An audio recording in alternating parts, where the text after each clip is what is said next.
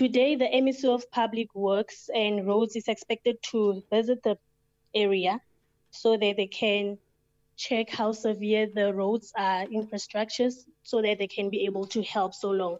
So there's only been the only help they've been found, uh, the only help that was there was for the municipality to dispatch a helicopter to go help out the areas that were severely affected by helping them by getting uh, necessities that they need um, so that's the only help that's been found so far. So we are expecting to talk with the MEC to hear what's going to happen, so forth, because now the municipality has um, sent uh, help, has asked for help from provincial government to declare a state of emergency, but so far nothing has been done. Mm, and I suppose we'll know from the department, uh, you know, whether or not from the provincial government, in fact, on whether that will be done or not. But let's let's talk about from your vantage point, what are you witnessing on the ground? Because the mayor was telling us that you know the the situation is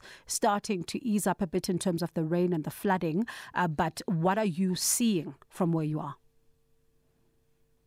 Yes, um, rain has started to ease up, but there's still a lot that needs to happen before the flooding goes down because there were five people that were missing and only four were found there on Saturday. So right now they're still looking for the last person and still no access to facilities for residents that live in those areas. As one uh, mother had to give birth to a child at home with no access to go to the clinic or the ambulance to go to the area.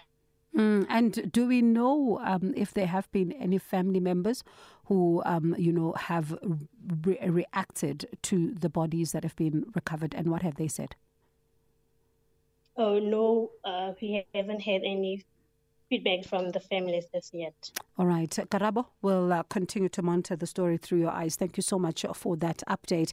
That is our reporter, Karabo Siyoko, bringing us at the very latest from the ground. And as, he, as she says, we do understand that the MEC for Public Works and Roads, uh, uh, Fufe Makotong, is visiting that particular area to assess the damage. And of course, uh, the, the mayor saying that the damage is quite extensive and it does look like it's going to take some months to repair. But of course, residents who are in need of urgent medical assistance are also at risk now, given the fact that the situation, as they say, is really bad on the ground because they're not able to get to some of those particular areas.